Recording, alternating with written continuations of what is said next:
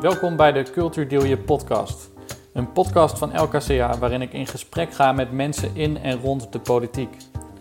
We zijn inmiddels allemaal gewend aan digitale overleggen, maar wat betekent dit voor de democratie? Ik ga daarover in gesprek met Frank Speel van de VNG en Sjoerd Vijsma, wethouder cultuur in Leeuwarden. Mijn eerste gast is Frank Speel. Die eh, is van de VNG, de Vereniging voor Nederlandse Gemeenten. Welkom Frank, fijn dat je, dat je er bent. Uh, ja. Ik denk dat uh, de mensen misschien uh, niet allemaal weten wat de VNG precies is. Dus misschien zou je kort kunnen vertellen wat de VNG is.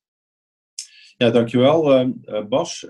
bedankt ook voor de uitnodiging. Ik werk inderdaad, ik ben Frank Speel. Ik werk bij de Vereniging van Nederlandse Gemeenten. En de Vereniging van Nederlandse Gemeenten is, zoals de naam al zegt, de vereniging waarbij alle gemeenten samenwerken om uh, nog, nog beter uh, ja, zaken te kunnen uh, inkomen, eh, inkopen, eh, afstemmen. En wij, dat vind ik ook het mooie van de VNG, dat we goede voorbeelden delen. Dus de voorbeelden die er op verschillende beleidsterreinen, dat kan zijn sociaal domein, kan zijn cultuur, het kan zijn lokale democratie, dat die goede voorbeelden ook worden gedeeld zodat niet iedereen weer opnieuw het wiel uh, moet uitvinden.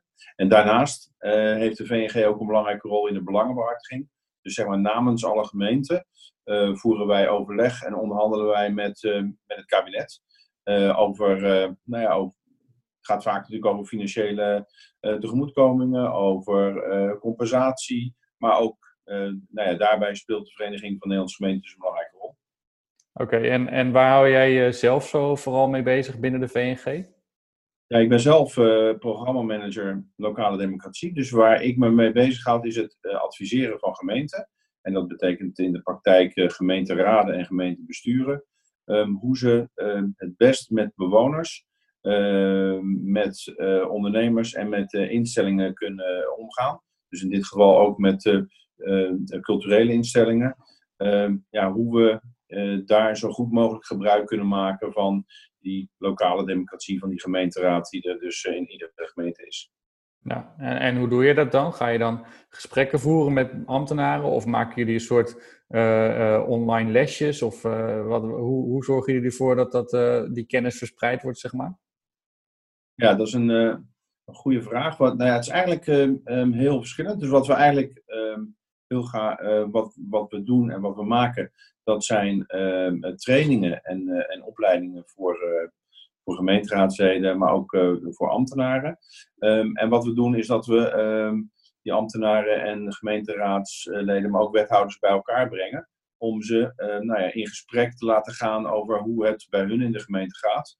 En nou ja, of ze daar dus ook goede voorbeelden delen. Maar het kan ook zijn dat ze dat ze ergens een keer tegenaan lopen en dat ze dan een probleem of een, uh, of een slecht voorbeeld of als iets niet goed werkt, dat ze daar dan, uh, dat ze daar dan over spreken. En dat doen we dus zowel vanuit het hoofdkantoor in, in Den Haag, maar eigenlijk zijn we het liefst bij de gemeente op locatie om daar ook het verhaal te zien, uh, het verhaal te horen en, en de situatie te zien. Om dat juist ook ter plekke. Je zult ook begrijpen dat er zijn natuurlijk 355 gemeenten. Je hebt verschillende regio's, verschillende provincies. En daar spelen, weer, spelen allemaal weer andere zaken. Dus ik vind het zelf ook een van de mooiste dingen van, de, van mijn functie uh, bij de VNG, dat ik veel onderweg ben. Ja, nu niet, want nu werk ik al, uh, al elf weken thuis, uh, zoals zoveel. Um, maar normaal gesproken ben ik ook veel in het land. Ja, want dat wilde ik eigenlijk net vragen. Je, ik hoor jou een paar keer zeggen bij elkaar brengen van partijen. En uh, we zijn het liefst ter, plekke. Uh, maar dat is in de huidige situatie natuurlijk wel ingewikkeld, de afgelopen weken. Uh, kun je misschien vertellen ja, hoe, hoe je toch nog bereikt dat, dat de partijen elkaar weten te vinden? Dat je informatie kan ophalen, dat die besluitvorming doorgaat, zonder dat je dit soort dingen kunt organiseren als bij elkaar komen en, en kennis uitwisselen? Ja, dat is uh, wat we natuurlijk de afgelopen eh, weken hebben uh, gezien, is dat nou ja, bij elkaar komen en vergaderen, dat dat niet meer fysiek kan. Dus dat we niet meer elkaar kunnen zien. Nou, dus, dan gebeuren er twee, je kunt eigenlijk twee dingen zien. Is dat we de digitale hulpmiddelen die er zijn, vergadersystemen. ik denk dat we allemaal inmiddels ervaring hebben met allerlei vergadersystemen, beeldbellen. Nou ja, zoals wij ook nu met elkaar in verbinding zijn. Dus je ziet dat er systemen zijn om dat te ondervangen, waarbij het gesprek wel kan plaatsvinden. Maar goed, we ervaren allemaal dat de ontmoeting, waar het uiteindelijk ook om gaat, ehm, dat je elkaar ook kunt zien, dat je uh, op locatie kan kijken. Dat is in iets wat, wat we nu um, um, echt missen. Uh, maar ook het gesprek bij de koffieautomaat of het gesprek in de wandelgang. Dat je echt nou ja, mensen ook in de ogen kunt kijken en ook echt kan doorvragen wat er gebeurt. Dus je ziet dat er gelukkig veel uh, digitale systemen zijn, dat, dat heel veel zaken onder andere in gemeenten met gemeenteraden doorgaan. Maar het is wel, uh, ja, ik merk ook zelf, veel zakelijker. Je merkt dat ehm, ja, je hebt, je hebt, als je inbelt bij zo'n, dan is het ook meteen to the point. er is weinig tijd om echt aan elkaar te besteden. En dat vind ik wel een gemis. Ja, en, en wat zijn de gevaren daarvan voor de lokale democratie? Nou ja, de, ehm, de gevaren die, die er in, ehm, in feite zijn, is dat, het, ehm, dat er wel, hè, want dus, dat hebben we de afgelopen uh, maanden gezien, dat er gelukkig wel vergaderd wordt. Uh, en er wordt zelfs, want het ministerie van Binnenlandse Zaken heeft ook een tijdelijke wet gemaakt, waardoor het niet alleen mogelijk is om te vergaderen, maar ook de besluitvorming mogelijk is. Dus um, je kunt wel vergaderen en besluiten, maar het risico wat er is, is dat, je, dat het echte debat niet gevoerd wordt. En het, uh, een ander risico is dat belangrijke besluiten worden uitgesteld. Um, en een ander risico is dus dat eigenlijk de lokale democratie, um, of de, uh, de manier waarop je dus bewoners, maar ook culturele instellingen kunt uh, bevragen, met ze in, in, gesprek kunt gaan, dat dat niet gebeurt en dat alles uitgesteld wordt. Hm. Heb je toevallig ook voorbeelden van gemeenten die hele goede creatieve oplossingen hebben gevonden om toch nog nou, je noemt het betrekken van culturele instellingen of toch nog besluitvorming te laten doorgaan om, om daar een oplossing voor te vinden? Ja, ja wat, je, wat je ziet is dat um, gelukkig hadden veel gemeenteraden ook al voor uh, de coronatijd uh, digitale vergadersystemen. Dus uh, ook al kwamen ze in een raadzaal bij elkaar, het werd dan vaak ook uitgezonden, ehm, zodat mensen niet naar de raadzaal uh, hoefden, maar dat ze dat vanuit uh, thuis konden bezien. En je ziet dat nou ja, die, die standaard infra, of die basisinfrastructuur nu juist gebruikt wordt om ook um, nou ja, nu uh, digitaal te vergaderen en ook nou, mensen te laten inspreken of instellingen te laten inspreken. Dus je ziet dat de meeste gemeenten, we hebben laatst een onderzoek gedaan dat nu twee derde van de gemeenten ook echt daadwerkelijk digitaal vergadert. Um, en ook uh, digitaal uh, besluit. En daar zit nog wel, dat, is wel altijd heel spannend, want um, juist is het bedoeld om um, stemmingen in een uh, gemeenteraad ook echt persoonlijk te laten zijn. Dus je moet bij, als er nu gestemd wordt in een gemeenteraad, dan moet je er ook echt voor zorgen dat mensen in beeld zijn en dat ze, nou ja, zich kunnen, dat je dus echt kunt zien wie, wie er heeft gestemd. Om te voorkomen dat mensen daar misbruik van maken. Hm. En tegelijkertijd, uh, tegelijkertijd zie je ook dat er een aantal uh, uh, vergaderingen, of je merkt dat mensen aan, echt moeten wennen aan het digitaal vergaderen. Dus er was vorige week een gemeente die had een, een, een inbellink voor een vergadering op de website gezet. Nou, toen was er iemand die daar misbruik van heeft gemaakt. Maar in veel gevallen zie je dat het eigenlijk heel goed gaat. En dat we eigenlijk wel digitaal vaardig zijn. Eh, dat we ook wel heel praktisch zijn om te kijken van hoe kunnen we dat um, via de bestaande systemen uh, uitzenden en ook mensen laten inspreken en nou ja, eigenlijk voor zorgen dat het zo goed als mogelijk uh, door blijft gaan. Ja, ja je, je hebt natuurlijk als volksvertegenwoordiger ook ja, behoefte aan je netwerk, dat je een beetje input kan ophalen. Uh, normaal gesproken kom je op bijeenkomsten of op een borrel of een opening en dan kun je daar in gesprek gaan. Uh, heb je nog misschien tips voor volksvertegenwoordigers van hoe je toch in contact kunt blijven met, ja, met, met je netwerk? Ja, die heb ik zeker. Want dat, dat nou ja, volgens mij hebben we het allemaal in de gaten. Het is nu natuurlijk niet alleen een bijzondere tijd met, met corona. Maar we hadden natuurlijk al dat gemeenten ja, financieel in zwaar weer zaten. Dus dat er ook financiële problemen zaten. En die worden nu eigenlijk door corona alleen maar versterkt. Dus je ziet nu heel veel gemeenten echt, echt aan het worstelen van waar moeten wij nu, waar moeten we het geld vandaan halen? Of andersom, waar moeten we op bezuinigen? Om ervoor te zorgen dat we onze begroting sluitend krijgen. Nou, dan zie je twee dingen. Dat, dat er door de Vereniging van Nederlandse Gemeenten bij het kabinet wordt aangeklopt van help nu de gemeente, want we hebben echt een probleem. Maar tegelijkertijd uh, moet die afweging uh, van waar gaat het geld naartoe altijd lokaal gemaakt worden. Ik ben zelf ook uh, raadslid en, wethouder geweest in de gemeente Zoetermeer. En, en eigenlijk, dat zou ook mijn advies zijn. Zorg ervoor dat je als culturele instelling juist nu ehm, contact houdt met die gemeenteraadsleden of, of die wethouder. En ik zag ook een aantal goede voorbeelden um, in het land waarbij de burgemeester samen met een wethouder gewoon op, op werkbezoek gaat bij een culturele instelling. Dus maak nu juist op dit moment gebruik van de, nou ja, de tijd en de ruimte die mensen ook ehm, hebben, omdat ze niet meer uh, hoeven te reizen. Om, om, om juist nu mensen te laten uh, op, op locatie uit te nodigen. En ik begrijp dat dat natuurlijk allemaal op anderhalve meter uh, moet en dat het soms ook ingewikkeld is of dat mensen dat niet durven.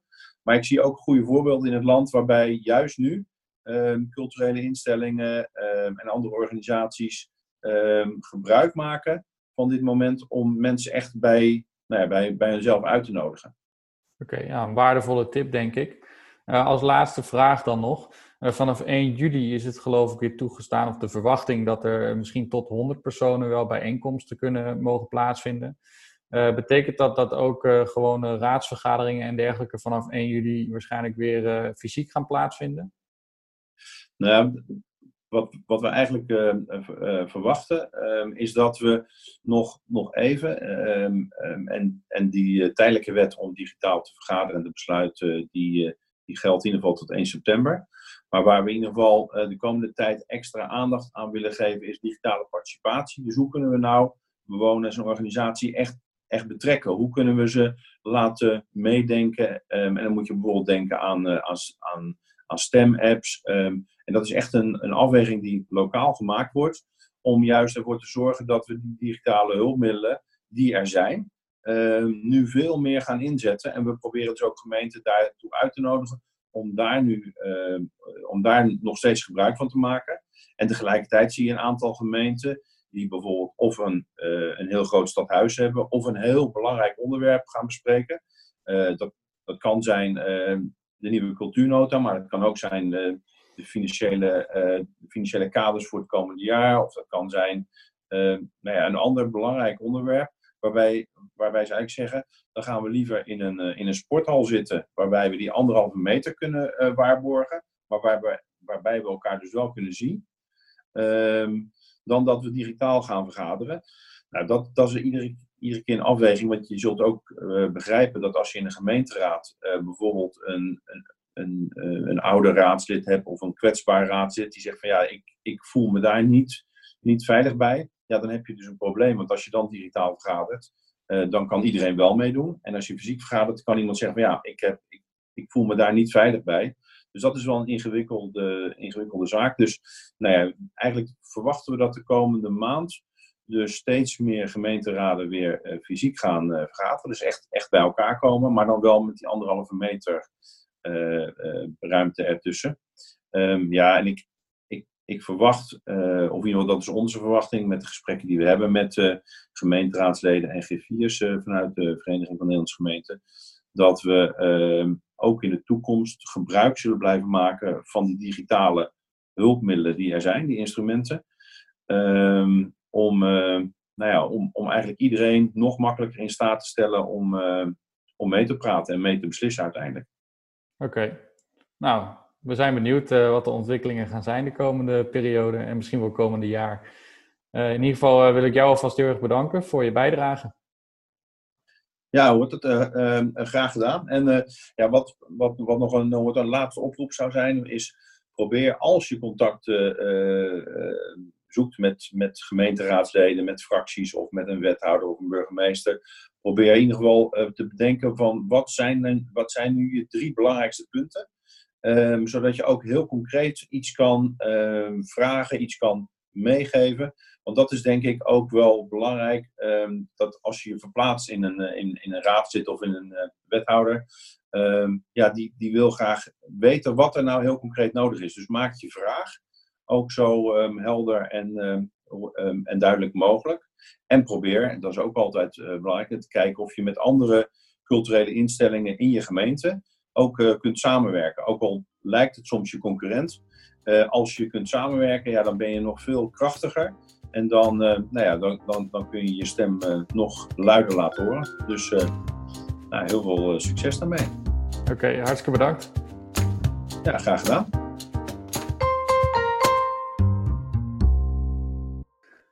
Goed, mijn tweede gast van vandaag is Sjoerd Feitsma. Sjoerd is uh, wethouder cultuur in Leeuwarden namens de PvdA. En Sjoerd, welkom. Fijn dat je mee wilt werken. Dankjewel. Hoe, uh, hoe gaat het uh, thuiswerken voor jou als wethouder cultuur? Nou, het is eerlijk gezegd een beetje half thuiswerken en toch half nog op kantoor. en dat kan bij ons ook wel, omdat heel veel mensen op dit moment niet op kantoor werken, zit ik daar af en toe wel. Uh, en dan kun je mensen ook wel wat ontwijken en soms ook nog wel fysiek vergaderen. En dan gaan we gewoon in wat grotere ruimtes zitten dan, uh, dan normaal gesproken. En uh, op zich werkt het eigenlijk best goed als je thuis werkt en Zoom-meetings hebt of, via MS Teams, zoals we dat via de gemeente doen. En het, het werkt ook wel zakelijk en snel. Ik moet zeggen, ik vind het wel lastig en vervelend als ik gesprekken heb met mensen die ik eigenlijk nog helemaal niet ken. want dan merk je dat er geen eerder persoonlijk contact is geweest. En dat bouw je via een schermpje gewoon niet op. Hm. Uh, maar mensen die ik al heel lang ken en uh, interne portefeuille overleggen met ambtenaren bijvoorbeeld, dat gaat eigenlijk, uh, eigenlijk wel prima. Ja, want merk, merk je dat ook al die werkzaamheden gewoon doorgaan? Dat eigenlijk alles wat je voor de, de crisis deed, dat je dat nu gewoon kan blijven doen? Nou, er liggen wel degelijk wat zaken stil bij ons. En, en dat zijn zaken die te maken hebben met de financiën. Ik heb naast cultuur ook de portefeuille financiën. En wij eh, hadden als gemeente eigenlijk gepland om uh, nu, dit voorjaar, met elkaar te kijken naar de voortgang van het collegeprogramma. En ook naar onze financiële positie. Dat had voornamelijk te maken met de decentralisaties in de zorg, hè, waardoor gemeenten heel veel moeten bezuinigen, met name de wat grotere gemeenten. Maar dat hebben we allemaal uitgesteld tot, tot het najaar, omdat het gewoon helemaal geen zin heeft. Omdat we ja, eigenlijk niet kunnen berekenen wat over ons heen gaat komen in financiële zin. Uh, want alles wordt geraakt in de samenleving. En dat betekent dus ook dat je als, financieel, of dat je als gemeente financieel wordt geraakt op allerlei mm -hmm. fronten. Dus dat ligt wel stil. Aan de andere kant zien we ook heel veel dingen die beleidsmatig zijn en minder gevoelig zijn voor corona wel gewoon doorgaan. Ja. ja. Want uh, ja, ik hoor al dat je een aantal dingen dus eventueel vooruitschuift. Uh, nou waren jullie geloof ik bezig met een nieuwe nota voor cultuur ja. voor de komende vier jaar. Is dat iets wat gewoon door kan gaan of is dat ook iets wat vooruitschuift? Nou, de definitieve besluitvorming is wel uitgesteld tot na de zomer. Dus dat betekent dat de Raad pas gaat stemmen over de, over de nieuwe cultuurvisie ja, in oktober, denk ik. Uh, dat is op zich wel jammer. Uh, het ligt niet helemaal stil. Ik heb volgende week bijvoorbeeld wel een zogenaamde bijpraatsessie met de Raad, digitaal waarschijnlijk, om, om ze mee te nemen in de hoofdlijnen van, uh, van de visie. Um, en de reden om het uit te stellen is omdat wij daar ook wat nieuwe plannen in hadden, ambities. En die kosten geld. Uh, en omdat we dit voorjaar geen financiële discussie met elkaar hebben, kun je dus ook dat deel van de cultuurnota, van de cultuurvisie, kun je niet bespreken. En dat is dus het stukje wat, uh, wat na de zomer wordt gesteeld. En dat is wel heel erg zonde. Ja, ja en uh, um, wat ik me ook kan, kan voorstellen is dat je plannen maakt in zo'n cultuurnota. Eigenlijk dat je die al gaat maken voordat die crisis uitbrak. En nu als je het nu nog een keer leest, denkt: hé, ja, ik weet eigenlijk niet, de toekomst is nog onzeker, of dit uh, binnenkort wel weer mogelijk gaat zijn. Moet je dan niet helemaal opnieuw beginnen of kun je toch uh, met zo'n plan aan de slag? Nou, ik denk de nota die wij, of de visie die wij geschreven hebben, kun je, kun je wel mee aan de slag. Het was een beschrijving van de huidige situatie. Uh, het was een ambitiedocument wat voortborduurt op het feit dat Leeuwarden, Friesland in 2018 culturele hoofdstad van Europa is geweest. dus er zit een stuk legacy, zoals we dat noemen, zit erin. En hij loopt ook niet vier jaar, maar acht jaar. Dus we hebben onszelf best wel lang de tijd gegeven om die, om die doelen te behalen. En dat heeft ook te maken met het feit dat ook voor corona de financiële positie van, van de gemeente natuurlijk niet al te florissant was vanwege die decentralisaties in de zorg. Dus wij hebben eigenlijk heel stapsgewijs hebben we voor de komende vier, vijf, zes jaar uh, investeringsplannen in, uh, in de cultuurnota gezet op basis van nieuw beleid. Mhm. En dat hoeft niet per se te vertragen vanwege corona, maar dat hangt er natuurlijk wel vanaf hoe lang we hier nog mee zitten. Ja. Uh, kijk, als dit nog een half jaar duurt, dan zou je de cultuurnota zo door kunnen zetten. Maar als we straks te maken krijgen, misschien wel twee, drie theaterseizoenen lang, uh, met een nieuwe manier van elkaar ontmoeten, uh, minder mensen in de zaal, ja, dan heeft dat deel van de nota geen waarde meer. Dan moet je dat herschrijven. Ja, die ruimte is er dan ook. Dat kun je dan nog doen halverwege zo'n nota.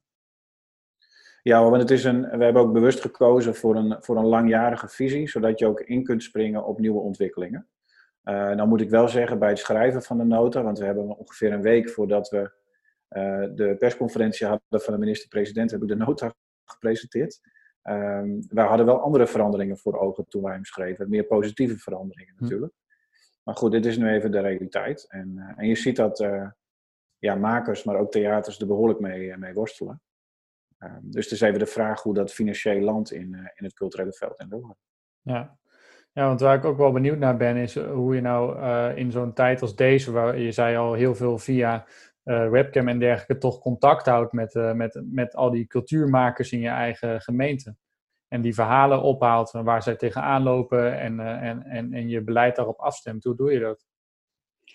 Nou, wat, wat wij gedaan hebben als gemeente is eigenlijk meteen het weekend nadat Nederland in, nou ja, zeg maar een halve lockdown ging. Want dat is wat we gezien hebben in Nederland natuurlijk hebben we meteen een enquête uitgestuurd. Uh, onder alle instellingen, ook met het verzoek om het vooral door te zetten binnen hun netwerk. Dus die uh, enquête is ook bij heel veel makers en ZZP'ers terechtgekomen.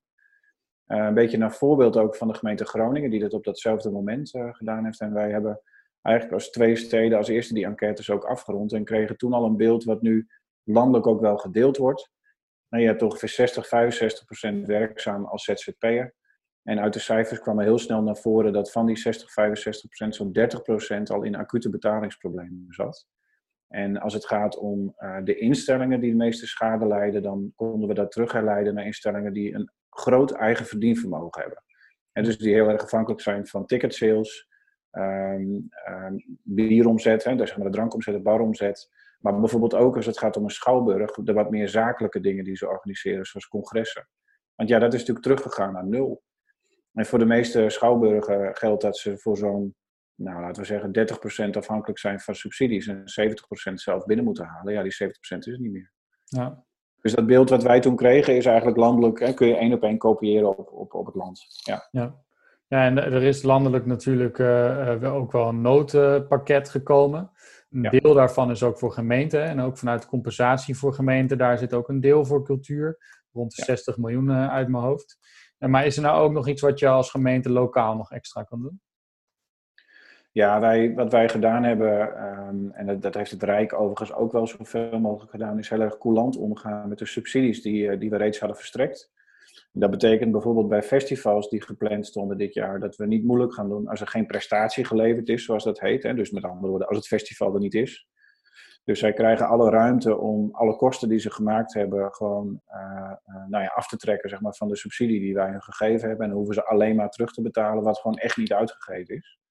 Uh, en dat betekent dus dat wij op die manier ook weer wat geld binnenkrijgen om bijvoorbeeld anderen in de cultuursector te helpen. En die berekeningen die worden nu gemaakt, want het inzicht hebben we nog niet helemaal. Dus dat zijn zaken die we, die we gedaan hebben. Uh, andere zaken die we in Leeuwarden hebben we dat niet gedaan, want dat was hier niet nodig. Maar die je zou kunnen doen als gemeente. Bijvoorbeeld dat je coulant bent met de huur uh, of de huur kwijtscheldt. En dus dat soort dingen zijn eh, vanuit de gemeente zelf wel ingezet. En wat we ook proberen te doen, is toch doorgaan met opdrachten die je verstrekt als gemeente. Uh, ook aan de culturele sector. dus dat is breder dan alleen de culturele sector, maar wel zorgen dat ja, dat wat je toch al moet doen als gemeente, en, en dat kan een opdracht zijn aan een kunstenaar, uh, om dat wel gewoon door te laten gaan, zodat die persoon ook gewoon betaald wordt. Ja, ja want uh, nou hebben we onlangs in het nieuws gelezen dat jij als wethouder in Leeuwarden gaat vertrekken, omdat je directeur wordt van het platform ACT. Het gaat over de arbeidsmarkt voor de culturele creatieve sector. En veel van deze maatregelen die, die, die gaan natuurlijk vooral op voor de, ja, de instellingen en de organisaties. En het platform waar jij directeur van wordt, zet zich ook wel in voor ja, de arbeidsmarkt, dus de ZZP'er misschien. Uh, ja, hoe kun je die helpen in, in deze situatie? Want die hebben weinig baat in principe bij de steun van ja, de, de infrastructuur, zeg maar. Dat, dat, dat klopt. Uh, het platform gaat in principe over de hele sector. En een belangrijk onderdeel van die sector is natuurlijk het hoge percentage wat als zelfstandige werkt. Uh, dus de ZZP'ers. En ik denk dat deze crisis uh, duidelijk maakt dat het alleen maar um, relevanter geworden is om ervoor te zorgen dat ten eerste het verdienvermogen voor die sector verstevigd wordt. Dat mensen zich goed kunnen ontwikkelen. Dus dat ze ook klaar zijn voor dit soort crisissituaties. Uh, maar ook dat je als opdrachtgever, en dat kan bijvoorbeeld de overheid zijn, dat kunnen ook private opdrachtgevers zijn, gewoon goed betaalt voor het werk wat geleverd wordt. Nou, als je kijkt naar de onderzoeken die daarin gedaan zijn, een paar jaar geleden heeft de SER een uh, belangrijk onderzoek gedaan met de Raad van Cultuur, dan blijkt daaruit dat dat in Nederland gewoon niet het geval is. Nou, op het moment dat dat wel het geval was geweest, kun je je voorstellen, hadden die ZZP'ers, als je je daarop wil concentreren, waarschijnlijk ook wat grotere buffers uh, gehad en was niet 30% van die ZZP'ers binnen twee weken al, nou ja, fictief in ieder geval omgevallen. Hm. Oké. Ik heb een uh, laatste vraag nog. Uh, het werd net duidelijk dat de cultuurnota besluitvorming in Leeuwarden een beetje opschuift naar het najaar. Stel nou dat er hele betrokken burgers zijn, of misschien wel instellingen of makers in Leeuwarden, die graag nog invloed willen uitoefenen, die, die zich met die, met die besluitvorming willen bemoeien. Nou, hoe ziet dat proces eruit? En hoe kunnen zij dat volgen en hoe kunnen ze eh, beïnvloeden? Nou, wat, wat nu nog kan, is dat je aanschuift bij de bespreking die we hopelijk fysiek dan hebben, of mijn opvolger, uh, in het najaar in Leeuwarden in de gemeenteraad. Want we hebben al een heel traject achter de rug waarbij inwoners uh, konden meespreken. Dus er zijn iets van vijf of zes sessies georganiseerd, een inloopavonden. Uh, waarbij gewoon inwoners langs konden komen om aan te geven wat zij graag terug willen zien in de cultuurvisie. Dus in, in principe uh, is, is het sowieso het culturele veld, maar ook ondernemers en inwoners zijn al intensief betrokken geweest bij ja, eigenlijk de totstandkoming van de visie. En dat heeft de afgelopen anderhalf jaar, dus een beetje na afloop van het culturele hoofdstadjaar hier in Leeuwarden, heeft het proces uh, al, al, plaatsgevonden. Hm. Uh, maar mocht je nog informatie kwijt willen, dan kan dat zeker. En dan kan dat bijvoorbeeld door deel te nemen aan wat bij ons in Leeuwarden heet een politiek podium. En dat is een gesprek met de gemeenteraad. Oké, nou, wil ik jou hartstikke bedanken voor jouw deelname aan deze podcast. En uh, veel succes met alle perikelen rond corona. En uh, eventueel al met je nieuwe baan straks. Nou, dankjewel. Jij ook succes. Bedankt voor het luisteren naar de Culturdeel Je podcast. Heb je vragen, tips of suggesties? Laat het dan weten via basverberg.lkca.nl. Tot de volgende keer.